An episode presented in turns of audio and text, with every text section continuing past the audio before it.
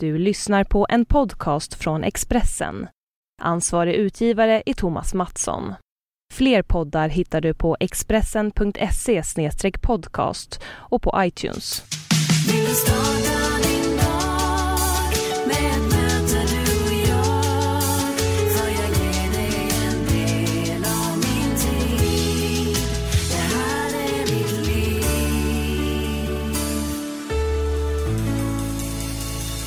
Då kör vi igång avsnitt 133 av Livshjulet och du lyssnar på mig, Anna Hegerstrand, som snart ska släppa på veckans gäst, underhållaren, DJn och programledaren Peter Sipen.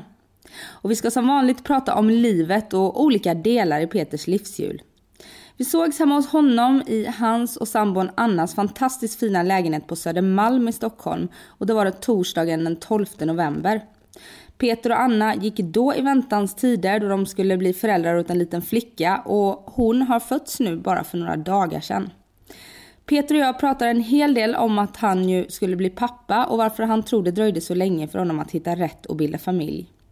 Vi pratar också om hans förmåga att sticka ut, hur han eh, håller sin fysik, inte minst tvättbrädan, på topp och hans positiva inställning till saker och ting och till andra människor.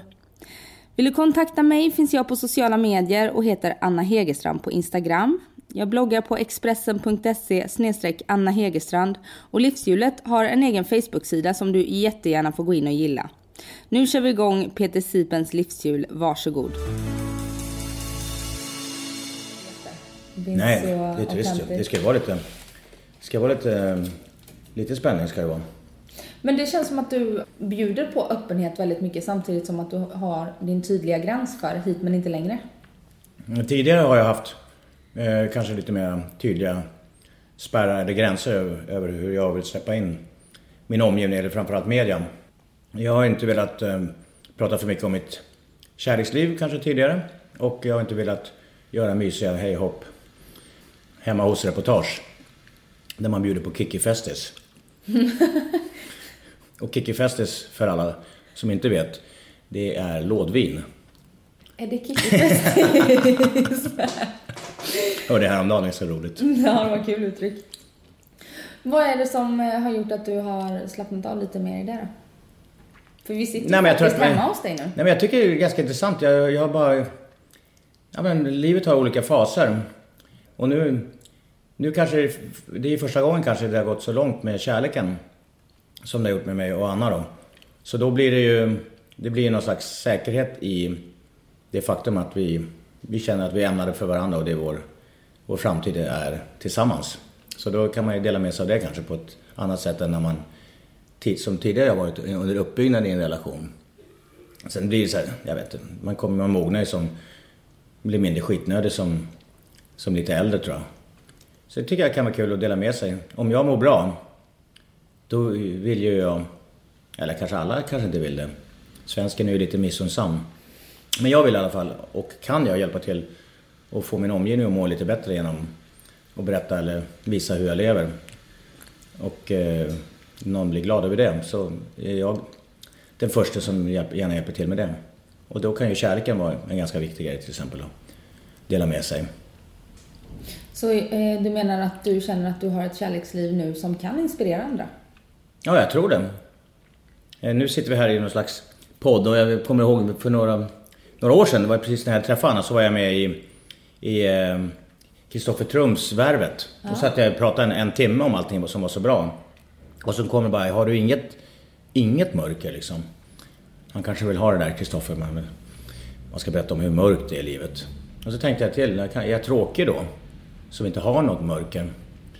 Men, eh, men så är det lite grann faktiskt. Och det är ju... eh, Man är ju sin egen bonde. Nu kommer jag på ett eget uttryck här. Som man gräver får man så eller vad det nu är. Så att det är ju, du skapar ju din egen framtid. Och... ehm, jag träffade en eh, ståuppkomiker som heter Mårten Andersson häromdagen. Och han hade skrivit på sin... Att han mådde väldigt dåligt härom, härom veckan va. Och det, är- det är ganska självlämnande och fint att kunna göra det. Och det är så onyanserat tycker han. Det, man måste må så bra. Det måste man inte. Men han gjorde i alla fall det och det är jättemånga som hör av sig. Det är många som mår dåligt. Och då tänkte jag, då kände jag så här dåligt samvete. Är jag ytlig?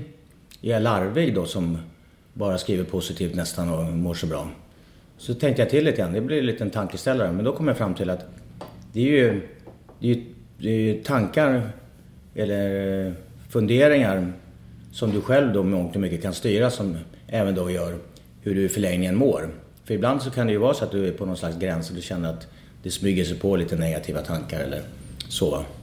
Men då är det ju upp till dig att styra det där mot ett bättre, eh, positivare. För jag har ju märkt att det är betydligt roligare och skojigare och hälsosammare att må bra än tvärtom. Det har jag gjort, den erfarenheten. Så då vill jag må bra då förstås. Är det någonting du har fått med dig från barndomen, att eh, ha förmågan att kunna styra om dina tankar och tänka att, ä- att du är en positiv människa? Eller Jag vet inte om det kommer från barndomen, det tror inte jag så mycket. Jag tror att jag har... Jag är lite med min egen smed. Jag har gjort mina egna erfarenheter och, och det har varit en resa eh, hela tiden. Att, däremot lite revolt. Det känns som lite att... När jag var yngre att inte man ska stå ut eller tycka att man är för mycket sådär va.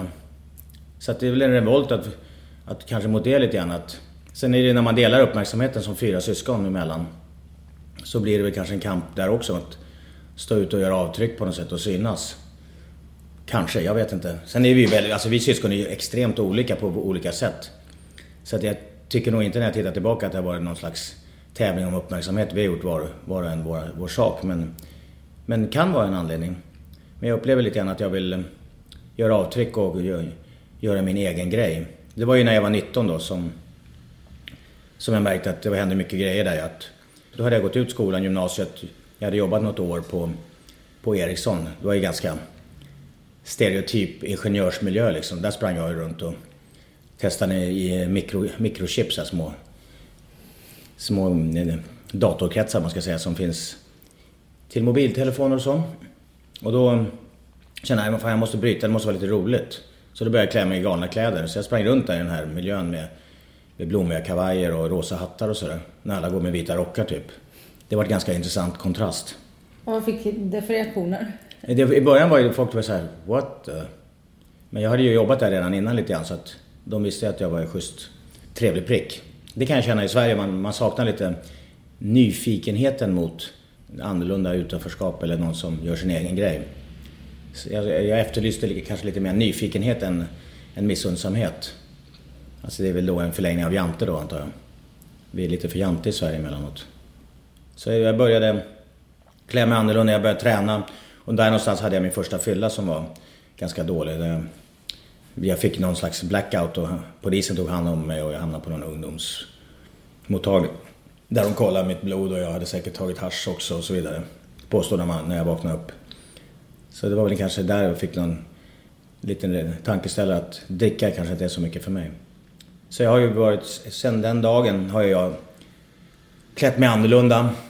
Jag har haft någon fylla till, men det är, hand, det är en handfull i hela mitt liv. Och jag har ju tränat regelbundet sen jag var 19 år. Det är en ganska häftig resa egentligen. Och det är ju 33 år då.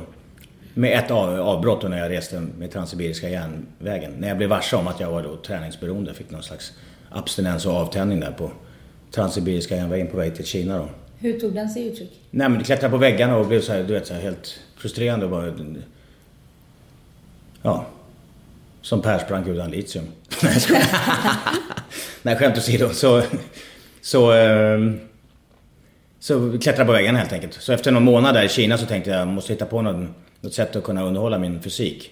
Utan gym. För jag hade ju kört gym, inte för att pumpa upp mig till något monster utan bara på ganska sund nivå. Och så och sprang lite grann. Så att, hur ska jag ersätta det där? Så att Kina 1987 fanns inte så mycket gym va. Så att jag började göra lite armhävningar på stolar och hänga på grejer som jag hittade. Och, ja, sen dess har har jag fortsatt med, med kroppsvikt eller cardio, eller vad kallas det där för? Calisthenics heter det ibland de här som tränar med kroppsvikt. Jag har ju förlängt det där med gummisnoddar också då. Som gör att jag kan träna var och när som helst, tycker jag är bra. Du är ju 52 år idag.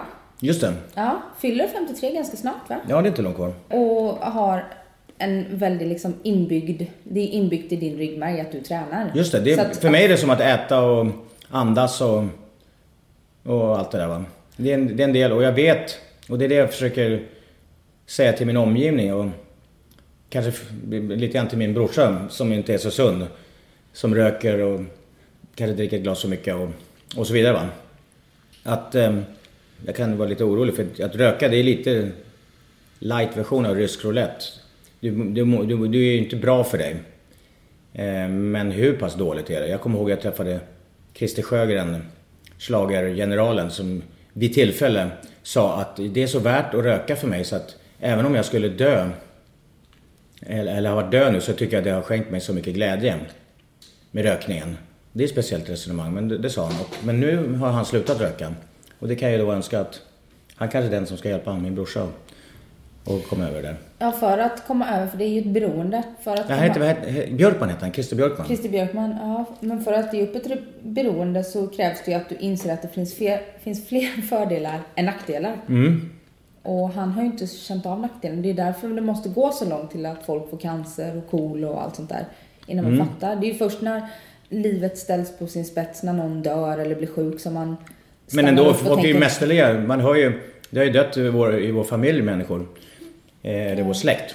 Som har dött på grund av, mycket på grund av rökningen. Men det är inte skarpt nog. Man är duktig på att förtränga.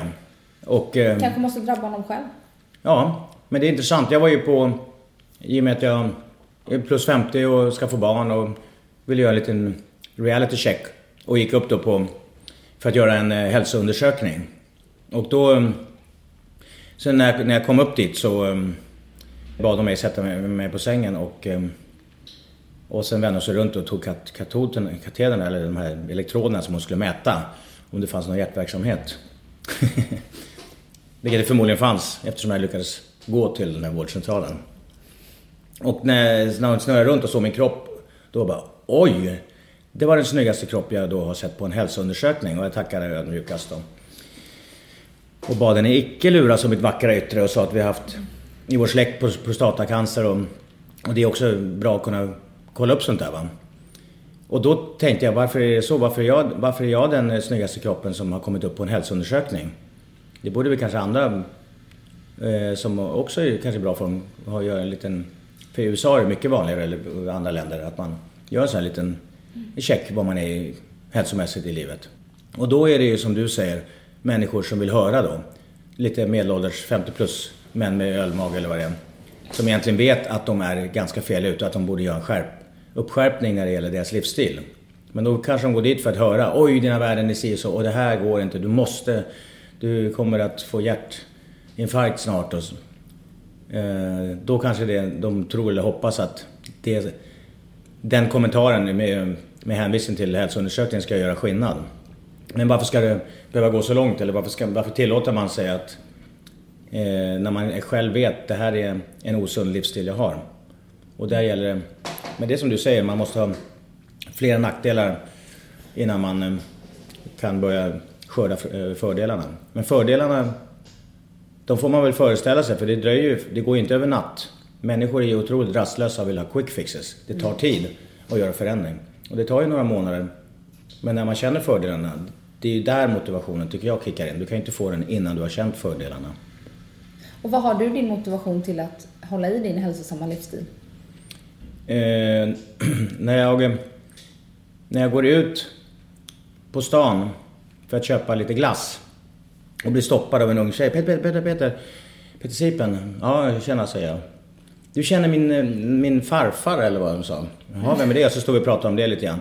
Ja, men han var ju fotograf och nakenfotograf var han också. Jaså, säger du. Var det därför vi känner varandra? Så öpp- öppnade jag jackan för jag höll på att städa så hade jag bara överkropp under. Kunde jag då visa min kropp då för dem. Undrar vad det där var för galning. Nej men min, min, eh, det är ju också en grej som triggar att se sin, sin egen kropp i spegeln. Ja, det är mycket ytligt. Nej, en del av det Visuellt. det. Ja, ja, det är en del av det, absolut. Ja, för det är nästan så att, för jag kan ju också känna så här att eh, som nu har jag en period när jag tränar väldigt mycket och jag skär ner på socker och kolhydrater och allt sånt där. Mycket för att då, som vi pratade om, att jag upplever att jag är lite sockerberoende.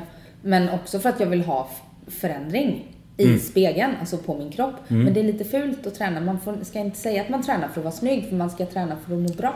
Ja, Men man mår ju bra när man är snygg. Ja, ja. Det är, ju- det är ju hur enkelt som helst. Och det tycker jag, det är en av eh, eh, mot, motivatorerna, eller en motivator tycker jag. Och eh, inspiration att kunna se sin egen spegelbild. Eh, Det blir ju det också att när du känner fördelen när det börjar hända saker.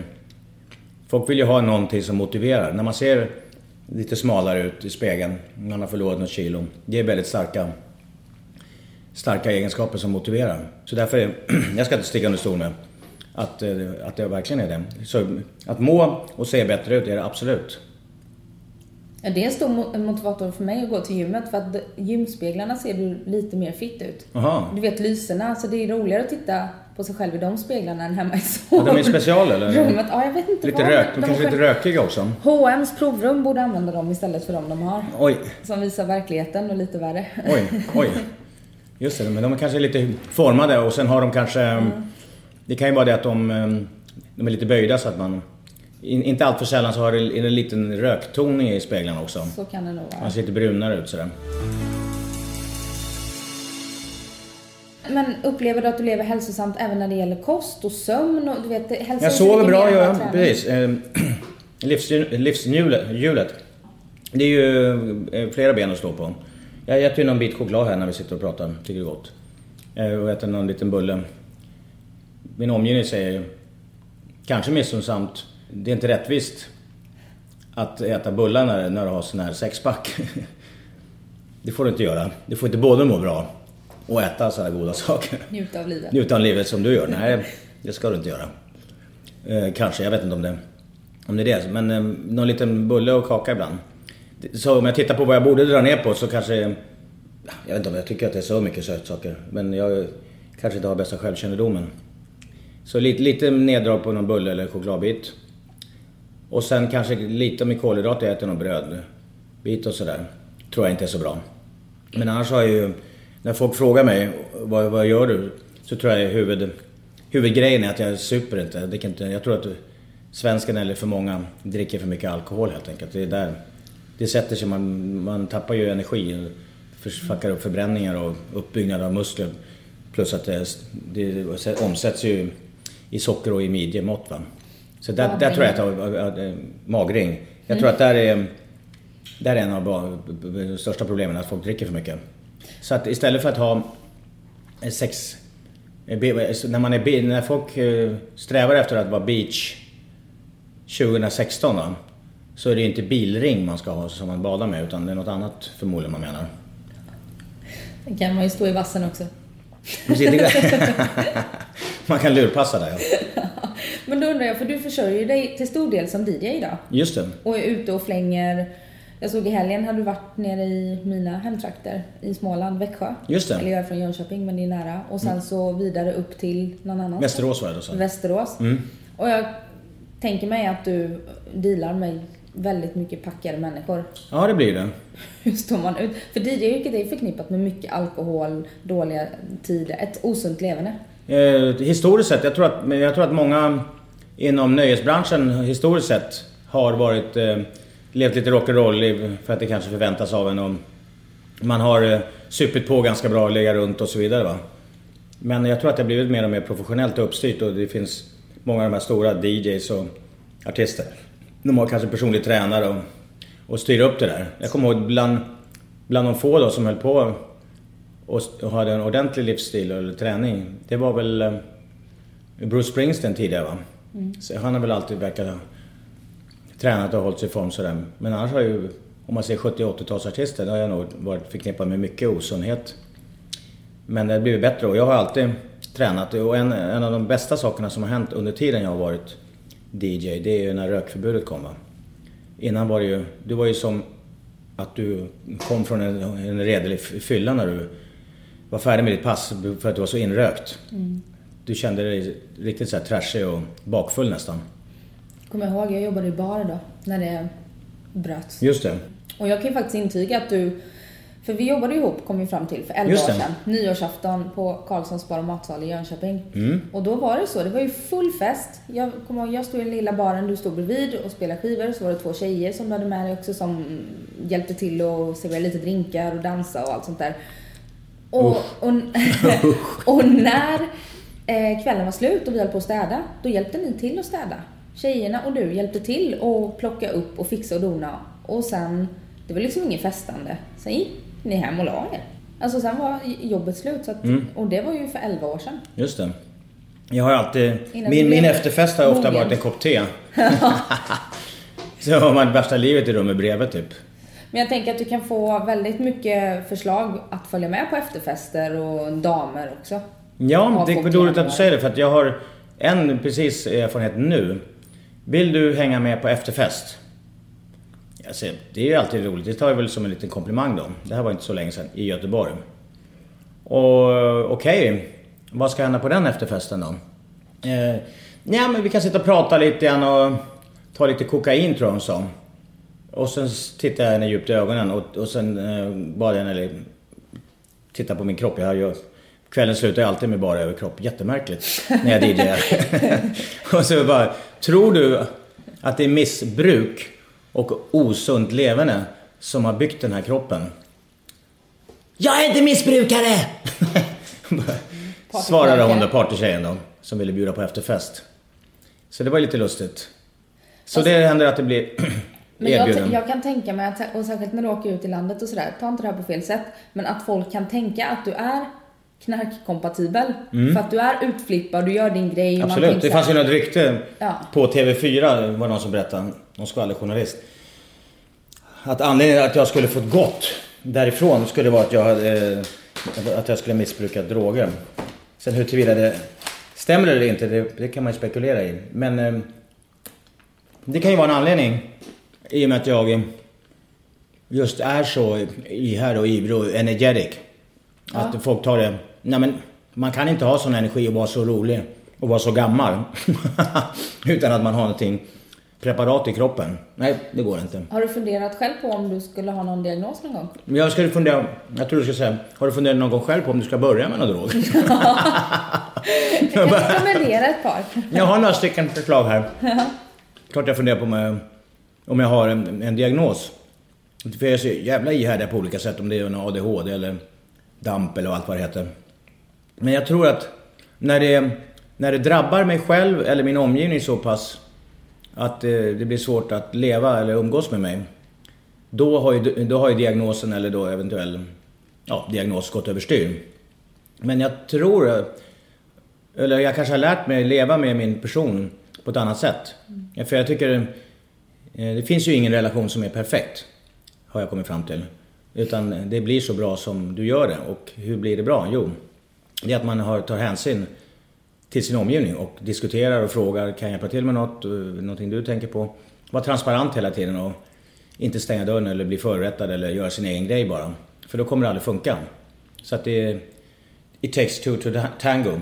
Man måste hela tiden ha en, eh, ha en rak öppen dialog och inte gå undan så fort man känner sig illa behandlad eller straffa den andra genom att "Åh, nu har du behandlat mig si. Då får du samma mynt tillbaka så att du förstår. Lite som Jesus-grejen. Vända andra sidan till fast på tvärtom så att säga. Då ska man straffa. Så- Hur hanterar du konflikter? Nej, men jag, jag, var, jag var nog lite dålig på det tidigare. Det tror jag. Men nu, jag vet jag ser det inte som konflikter utan, och jag säger inte när, när någonting är dåligt eller jag vill ha förändrat, då säger inte jag kritik utan konstruktiv feedback. Ha hela tiden en dialog. Och det jag kan eh, dela med mig och det som är jätteviktigt, som kanske var tidigare lite grann, kan vara en drivkraft ofta också att man måste hävda sig och vara bäst sådär va.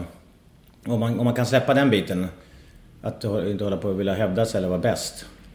Då tror jag man kommer ganska bra bit på vägen. Att man eh, sänker garden lite grann och lyssnar och försöker göra saker i samförstånd. Att bråka kan ju vara bra om man gör det för att komma fram till något och inte för att ha rätt. Exakt, det var bra. För där försöker jag jobba med min tjej lite grann.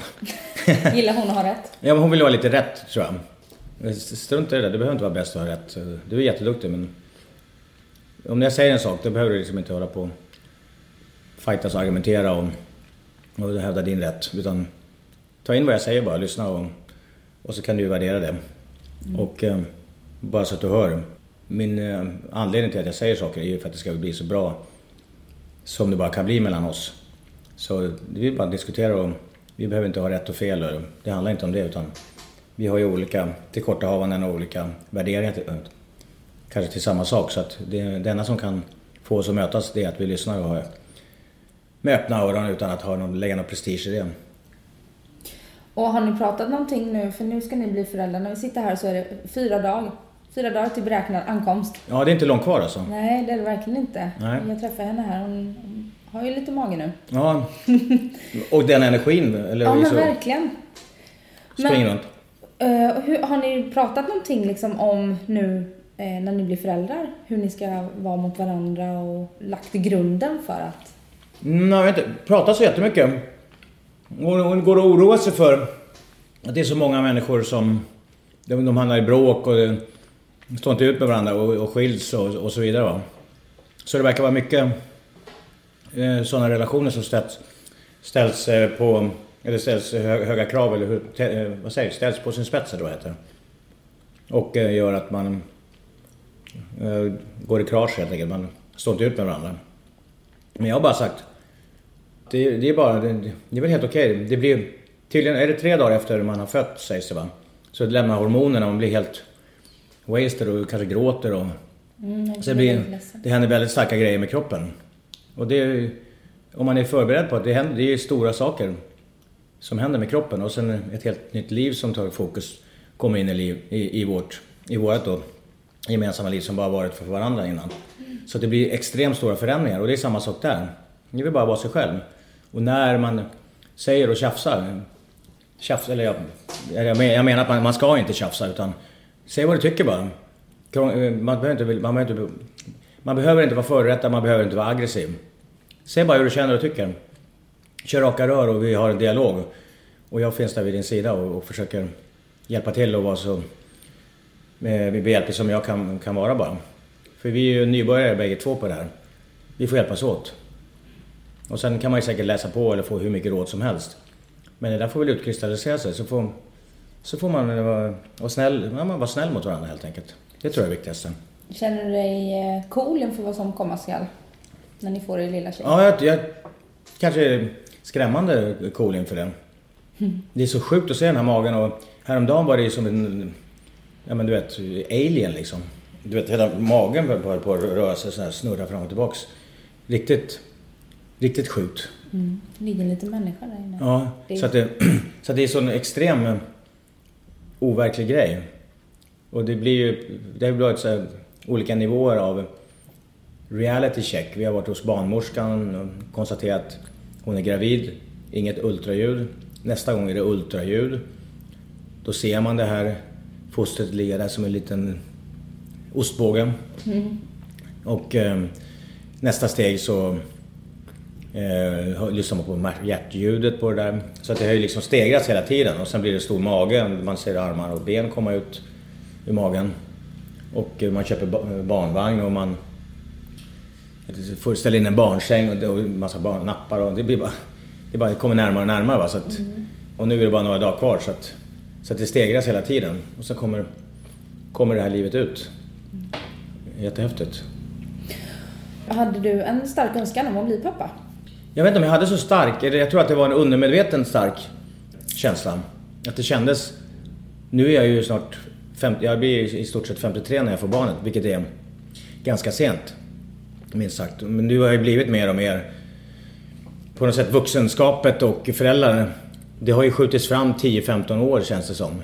Vi lever ju längre också. Vi lever längre. Tidigare så var, var man vuxen typ och redo och skulle ha gjort allt och gift sig och ha barn när man var 20. Om man går tillbaks 40-50 år. Men nu så... Nu vill ju folk leva med. Leva lite grann och hinna med lite grann innan man eh, låser upp sig trist att säga, men in, innan man går in, ingår i relation eller äktenskap. Min mamma och pappa de kanske har levt tvärtom så att säga. De, de är, min mamma var väl 17 när hon träffade min pappa. Och han aldrig, det- hon var första gången på nattklubb någonsin då. När hon träffade min pappa så hon fick gå ut en halv gång typ. och sen, Är de ihop fortfarande? eh, nej de är inte ihop. Det var länge sedan det tog slut.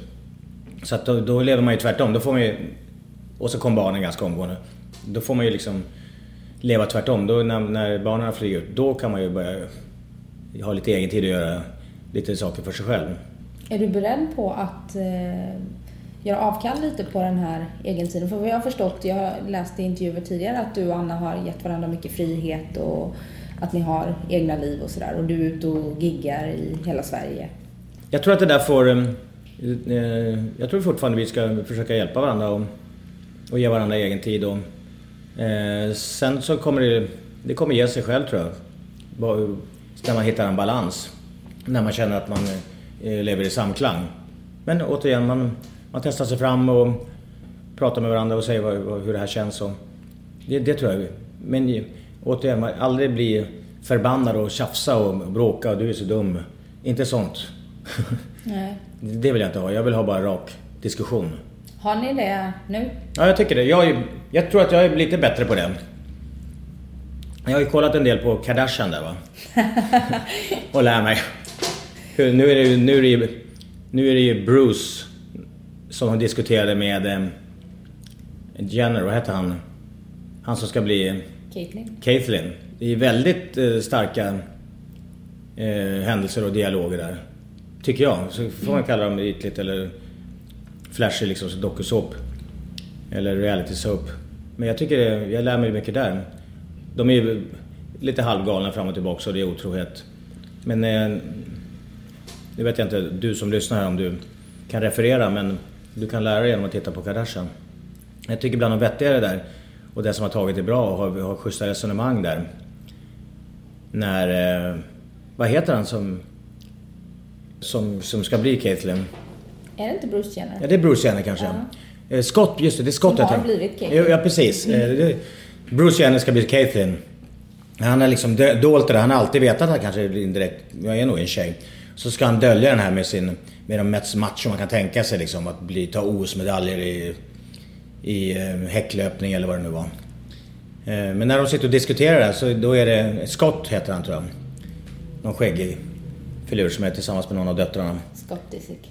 Mm. Han är, han är, jag tycker han, han har ju varit otrogen, så det kan man ju tycka vad man vill om. Men, men de resonemangen och den uppmuntran och funderingar han har runt att Bruce ska gå över sista steget från att verkligen bli, gå från man till tjej. Tycker jag är otroligt intressant att höra. Och det är verkligen det man saknar på mycket TV och framförallt i sina såpor.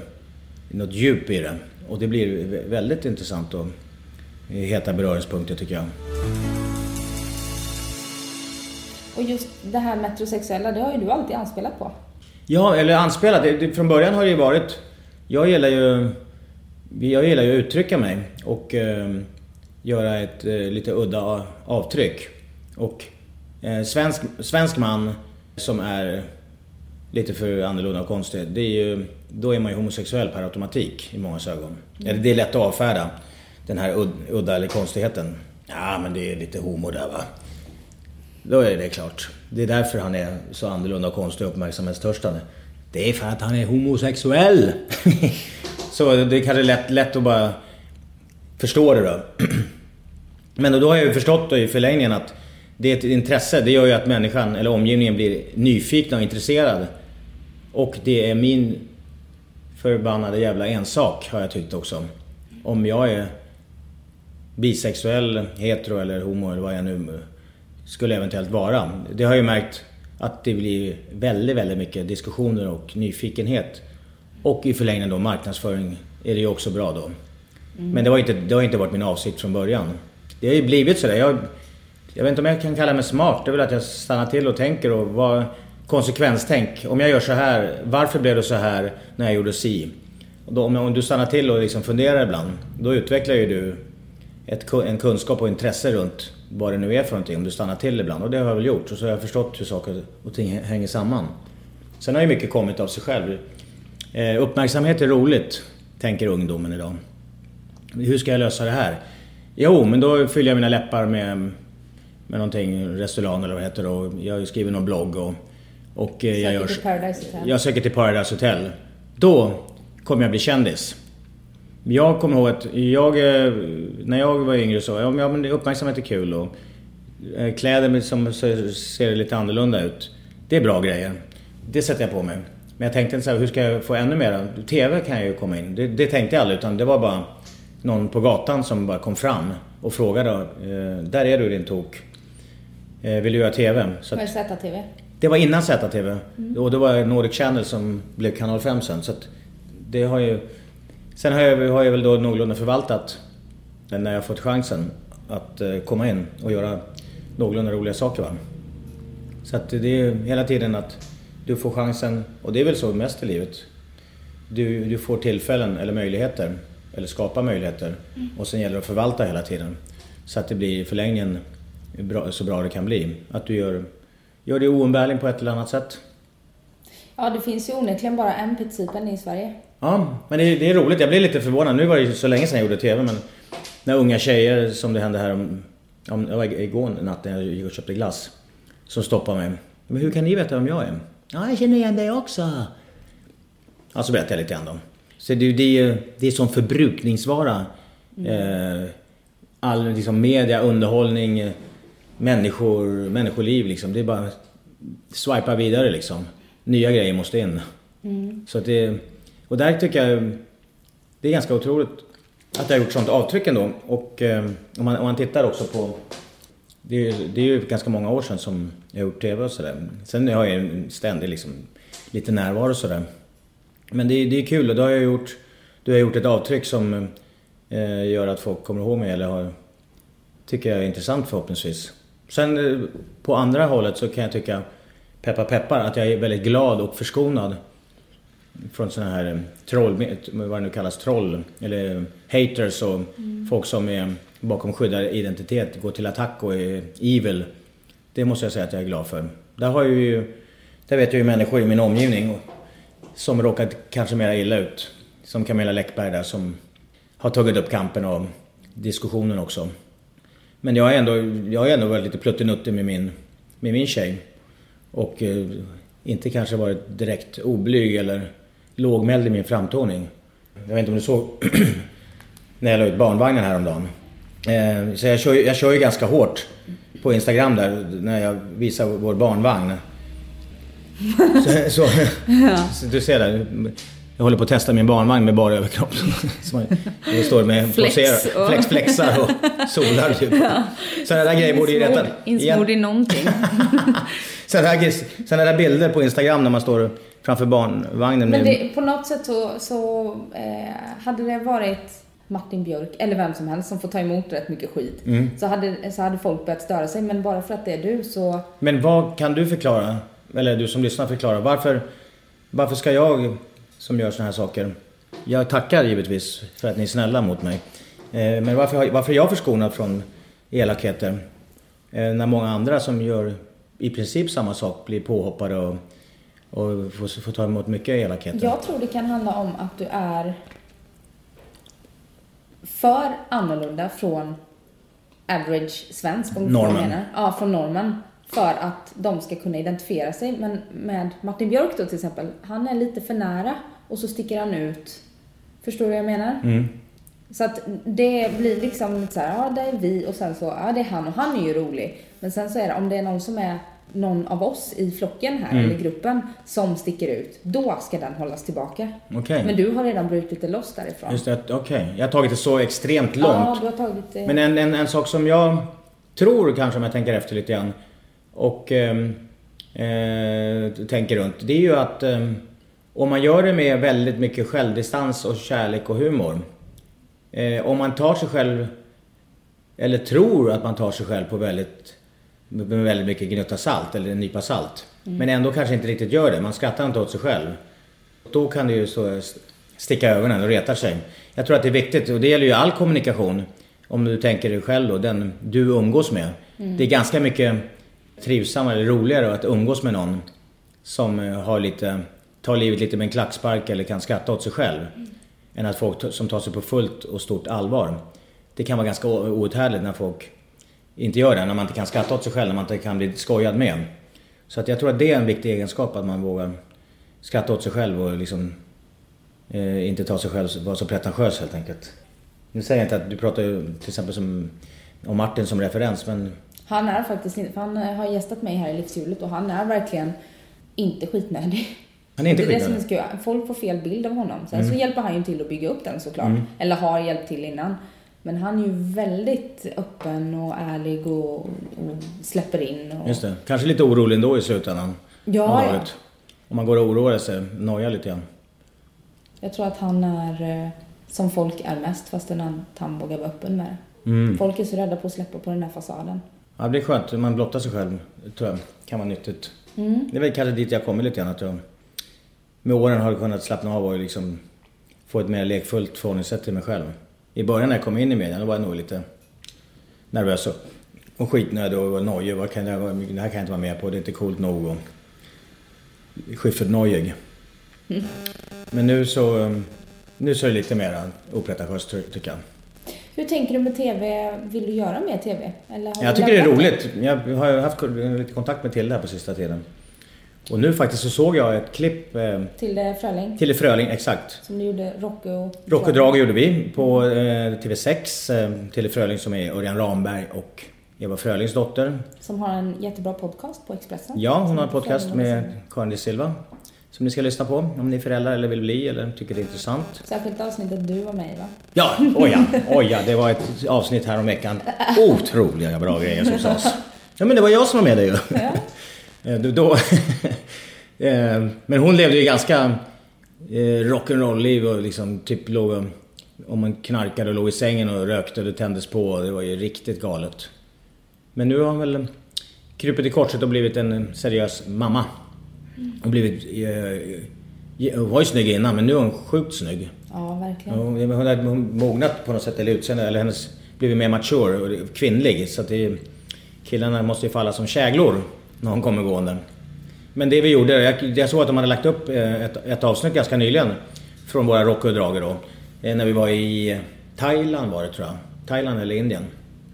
Den dynamiken mellan oss är ju sjukt rolig.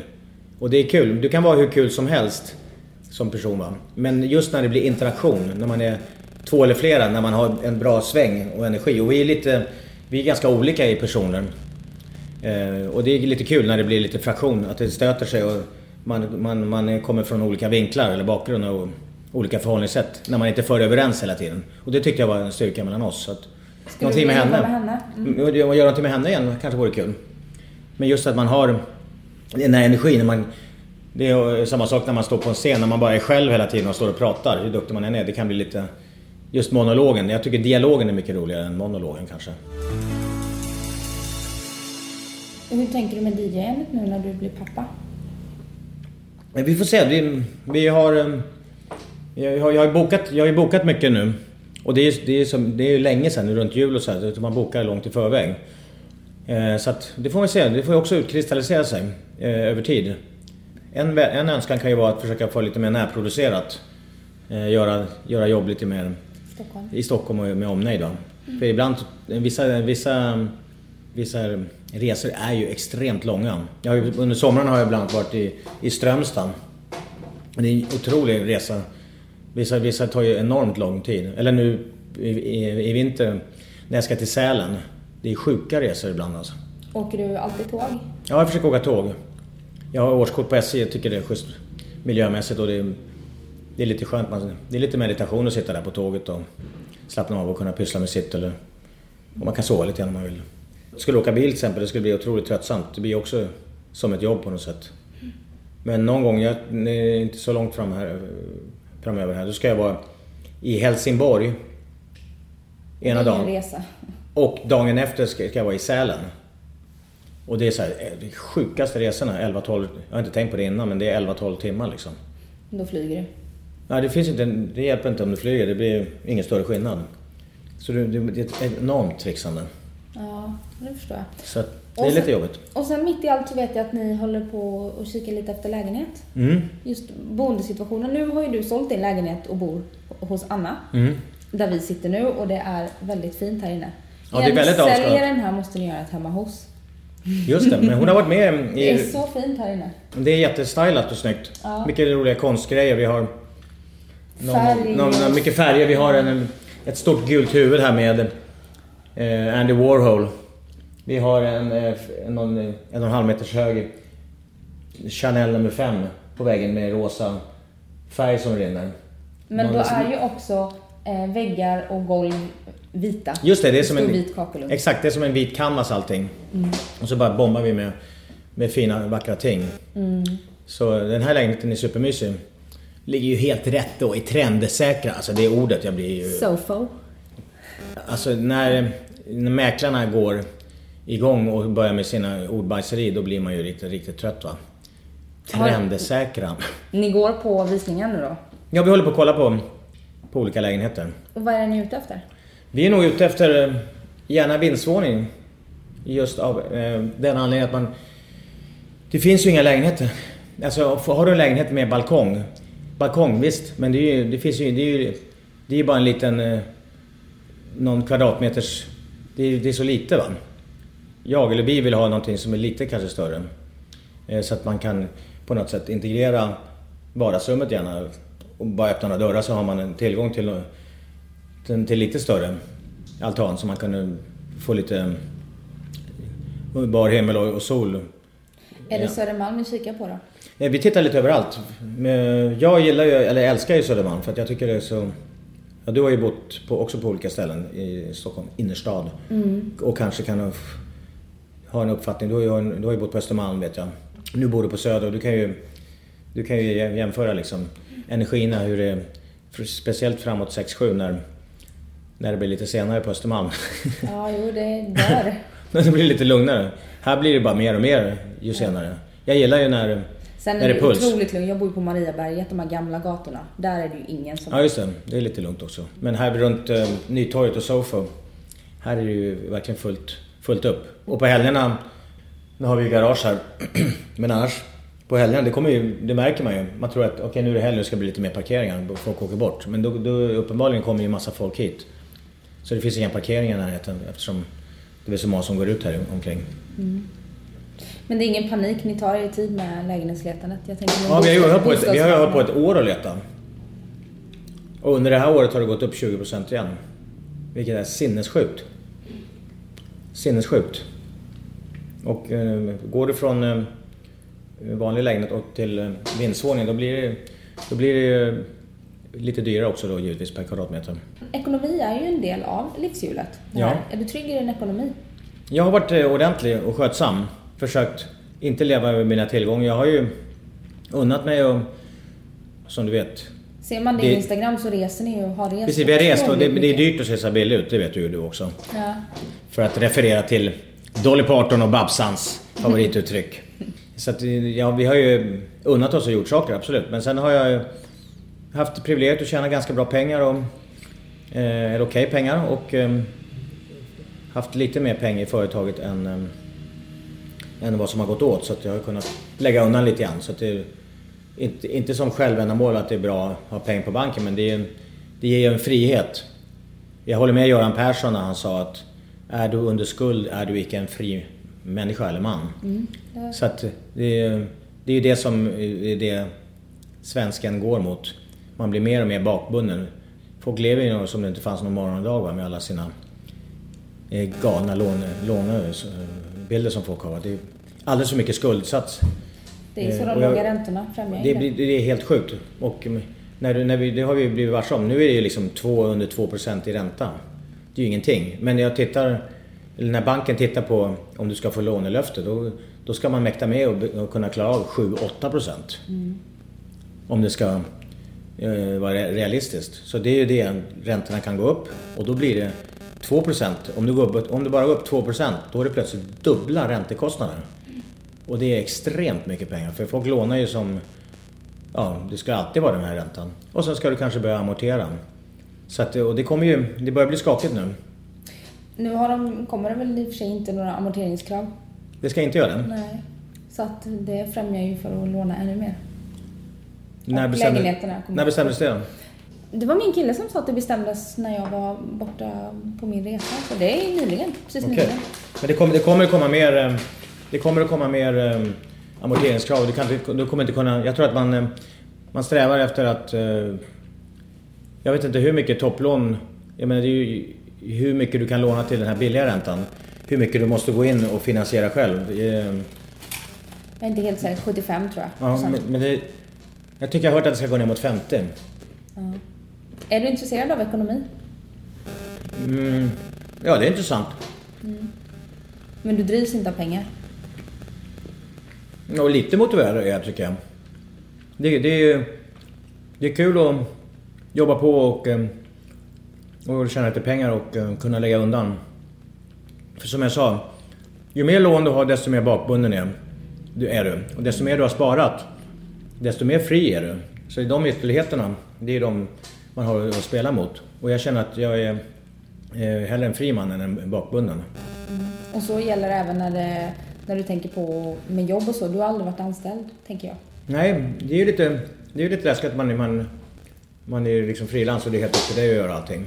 Eh, sen sen eh, det kan jag tycka också, det vore kul att kunna typ göra en Paolo Roberto eller, eller någonting som inte är helt beroende av att du måste lägga ner din personliga tid på en specifik geografisk plats för att få inkomst. Jag är mitt eget varumärke. Att det varumärket kunde vara att man kan tjäna pengar på annat än sin egen personligt nedlagda tid. Men det är väl fullt möjligt, det tycker Ja, jag var så att där, vill jag, där söker jag dig. Jag sträcker ut min hand till dig som är proffs. Och, Vi ska se vad vi kan hitta på. du gnuggar dina geniknölar, vad ska vi kunna göra av den här pojken? nya, nya pastaskruvar eller Nu ska vi nog kunna Ta någon vin. riktig jävla kolhydratspasta som du flyger upp till rymden med. Det ska vi nog fixa. Någonting riktigt onyttigt. Men det bor en liten entreprenör i alla fall, hör jag. Ja, så att eh, det, det, det vore kul att kunna, kunna eh, använda varumärket till att eh, sälja någon produkttjänst eller så. Och sen återigen, men det finns väl en, en drift att ge- underlätta eller, eller göra världen eller människorna omkring mig lite mer uppmärksamma och, och hälsosamma. Eller uppmärksamma på hälsan. Och det gör för du föreläser ju lite. Ja, jag har gjort lite, jag har gjort lite föredrag om, om hälsa. Och eh, det har varit roligt att berätta. Och det är inte så jättefakta eller pretentiöst utan jag vill mer inspirerande ge den här sista sparken i baken, inspiration. Så att folk får en liten tankeställare. Och just det där att man inte kan friskriva eller överskriva ansvar på andras axlar utan det är upp till en själv att göra förändring. Men den förändringen som du har möjlighet att förfoga eller göra själv kan leda till extremt stora eh, hälsoförändringar. Att du kan bli må så otroligt mycket bättre med ganska... Du gör små, små steg och det kommer bli en stor förändring i längden. Du har ju också gått igenom olika faser i ditt liv. Du, Där du har varit sockerberoende. Jag vet inte hur pass transparent du är med dina... Jag är jättetransparent. Mm. Du har haft anorexia sa du. Och så vidare. Och, i olika former. Ja, så att du, du vet verkligen vilken, vad, hur olika livsstilar, vilken skillnad det kan göra. Och det är, eh, det är bara roligt att, när man har gjort de här erfarenheterna att kunna dela med sig och, och försöka jag upplysa och göra andra människor lite mer, eh, lite sundare helt enkelt. För det är många som lever i väldigt stor självförnekelse och, och de vill friskriva sig ansvar och att det, jag, jag kan bli skrämd när jag ser vissa människor hur de ser ut och lever. Va? Man kanske, jag kanske låter lite aggressiv och det är lätt för mig att säga som lyckas hålla mig eh, igång och fräsch och och regelbundet träna. Men eh, jag, jag vill ärligt, om jag kan, hjälpa och upplysa och göra människor lite... Så jag blir jätteglad ibland när det kommer någon meddelande att jag har gjort sig så. De frågar och hur gör du? Och jag kan skicka någon länk eller... Eller jag, du har ändrat, du har gjort att jag har börjat komma igång, jag kör din metod eller nu har jag börjat komma igång och träna. Då blir jag, då blir jag jätteglad att jag har kunnat vara med och påverka någon till en eh, bättre och sundare livsstil. Det är jag jätteglad för. Det förstår jag. Mm. Du borde skriva en bok. Ja, ja, det vore ju fantastiskt. Det där var en riktigt bra idé. Mm, den skulle jag läsa. Ja, det där ska, ja precis. Det där det måste jag tacka dig verkligen för. Jag ska sätta mig här och, och fundera lite grann. Jättebra idé. Tack Peter. Tack. Och tack för att du kom hit och gästade Livshjulet. Tack för det. Det var intressanta samtal. Jag tror jag kanske kan... eh, Jag säger som, eh, som eh, Carl Bildt. Jag är jätteglad för frågorna du ställde. Men om du istället skulle ställa frågan Peter, hur är det möjligt att du som är snart 53 år gammal kan vara så snygg? Då skulle jag svara, det är inga problem. Och du kan det här också. Lycka till!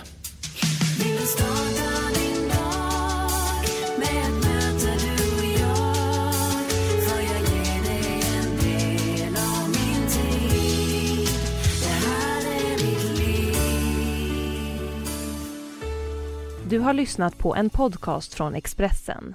Ansvarig utgivare är Thomas Mattsson. Fler poddar hittar du på expressen.se podcast och på iTunes. Nu är den stora färgfesten i full gång hos Nordsjö Idé och Design. Du får 30% rabatt på all färg och olja från Nordsjö. Vad du än har på gång där hemma så hjälper vi dig att förverkliga ditt projekt. Välkommen in till din lokala butik.